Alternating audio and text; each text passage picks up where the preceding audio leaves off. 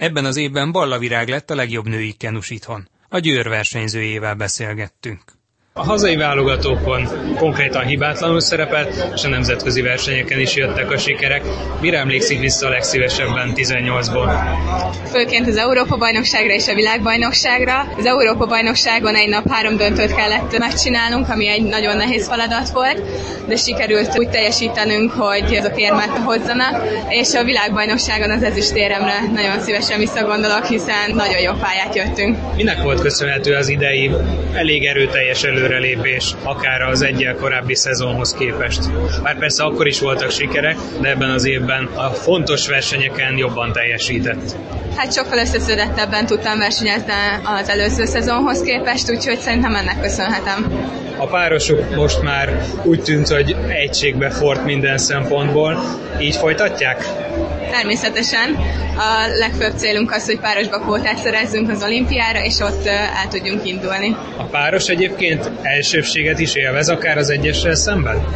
mindenképpen, hiszen úgy látjuk, hogy a páros mezőnyben sokkal könnyebben tudunk sikereket elérni. Egyesben mik a célok 2019-re? Hát igazából ezen nem nagyon gondolkoztam. Szeretném, hogyha gyorsulnék még az egyesbe a 200 méteren, talán még a rajtomat is szeretném javítani, de a fő cél mindenképpen az, hogy párosba versenyezzünk. Technikailag az ön véleménye szerint mennyit tud még előrelépni egyesben, illetve mennyit tudnak párosban? Akár mondjuk az olimpiáig. Hát mindenképpen lehet fejlődni, hiszen jó pap is voltáig tanul. Vannak technikai elemek, amit az evezésünkben lehet még csiszolni, lehet a páros evezésünket is csiszolni, és még szerintem a pályánkban is van még, amit lehet fejleszteni. Hogy érzi egyébként, mennyire kerül egyre inkább helyére a női kenus szakág itthon és a nemzetközi fronton? Szerintem egyre inkább érzik az emberek, hogy az olimpiára készülünk, és nagyobb hangsúlyt fektetnek rá, kiemeléseket kapunk, úgyhogy úgy érzem, hogy kezdünk mi is a reflektorfénybe kerülni. Felkészült rá akár, hogyha további sikerek jönnek, akkor még nagyobb lesz az érdeklődés? Hát úgy érzem, hogy az elmúlt évek során mindig aprólékosan egyre több figyelmet kaptunk, így nem lesz meglepő, hogyha a következő években még nagyobb figyelmet fordítanak ránk. Mikor lenne elégedett 2019 végére, vagy augusztus végére, ahogy vesszük? Hát, hogyha a párosba sikerülne a kvótát megszereznünk, olyan fejlődést érnénk el, amivel meg tudnánk szorongatni a kanadai páros. Ballavirágot a Győr Európa bajnok kenusát hallották. Víztükör. Az Inforádió kajakkenu és vízisport magazinja. Parádéztak a magyar ifjúsági és U23-as versenyzők idén is. A sikerekről és a legjobbakról Makrai Csaba utánpótlás szövetségi kapitányt kérdeztük. Azt gondolom, hogy egy szenzációs év volt.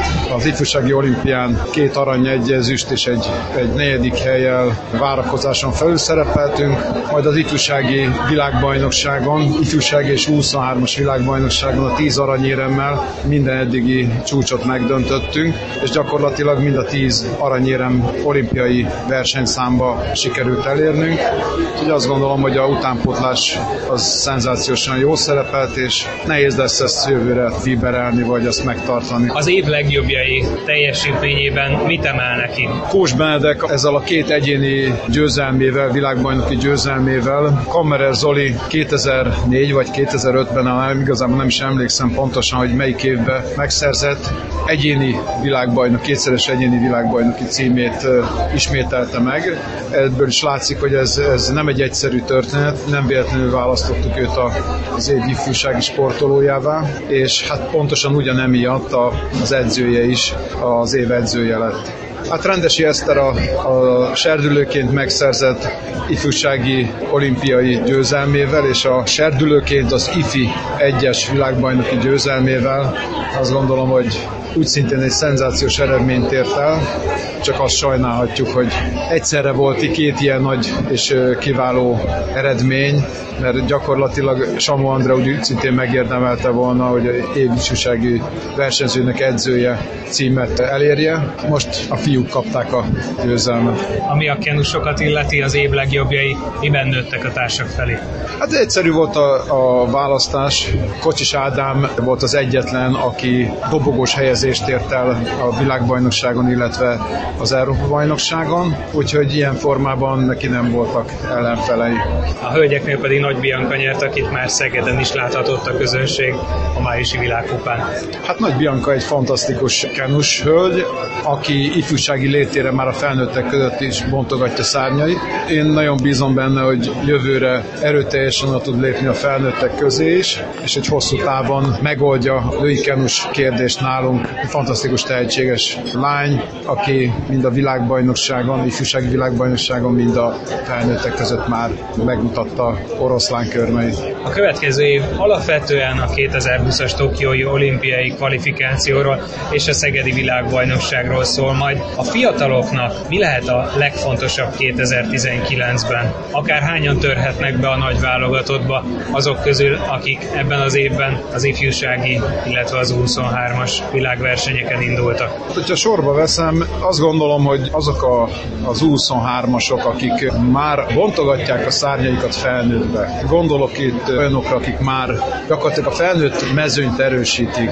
Elég sok ilyen versenyzőnk van, ha Nádas Bencére, vagy Kuli Pistire, vagy Kopasz Bálintra gondolok, ezek mind 23-as korosztályok, azok a fiatalok, akik még nem értek oda a felnőttek közé, de amikor az 23-as világbajnokságon már azt gondolom, hogy, hogy jelentős eredményeket tudtak elérni, gondolok Noé Zsomborra, Bogár Gáborra.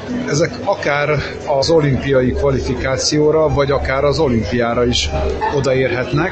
Kós Benedek, aki ugye most került fel, vagy most fog felkerülni ifiből a felnőttek közé, még talán ezerre a Tokiói olimpiára korai lesz neki ahhoz, hogy kikerüljön az olimpiára, de a következő Párizsi olimpia azt gondolom az már az ő versenye lehet.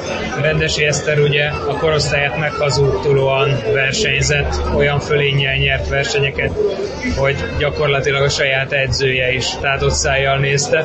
Ő lehet akár a következő néhány olimpia, mondjuk a 24-es, 28-as, 32-es olimpia egyik stabil magyar szereplője, hogyha így folytatja, ha így fejlődik? Hát igen, azt kell, hogy mondjam, hogy Esztibe megvan minden olyan képesség, adottság, ami erre predestinálná, úgyhogy csak a legjobbakat tudom róla elmondani, mind mentálisan, mind morálisan. Nagyon erős, nagyon elkötelezett a sportág irányába, nagyon tehetséges, nagyon jó adottságai vannak, testi adottságai, nagyon jó feje is van a versenyzéshez, úgyhogy mindenképpen azt gondolom, hogy a jövő az az övé lehet, és bízom benne, hogy övé is lesz. Mennyire nőhet a szakadék a kajakozók és a kenusok között?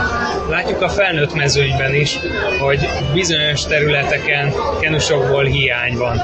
Az ifjúsági korosztályban mi látszik körvonalazódni? Sajnos ez azért látszik az ifjúsági korosztályban is, hogy nem túl erős a, a kenus vonalunk. Az, hogy ez most miért van, hát több oka van, de én most erre nem akarnék kitérni, mert ezek ilyen szakmai kérdések, ami hosszabb elemzést igényel. Viszont én bízom benne, hogy van egy-két olyan tehetséges gyerek, aki eléggé elkötelezett és motivált arra, hogy pár éven belül odaérjen akár a felnőttek közé is, eredményes legyen, a régi magyar hagyományokat tovább tudja vinni. Makrai Csabát a Magyar Kajakkenu Szövetség utánpótlás szakvezetőjét hallották. Már a véget ért a víztükör. Friss műsorral legközelebb január 1-én kedden este fél kilenctől várjuk Önöket. Magazinunk korábbi adásait meghallgathatják, és akár le is tölthetik az Inforádió honlapján a www.infostart.hu oldalon. Boldog új évet kíván minden kedves hallgatónak a szerkesztőműsorvezető Farkas Dávid.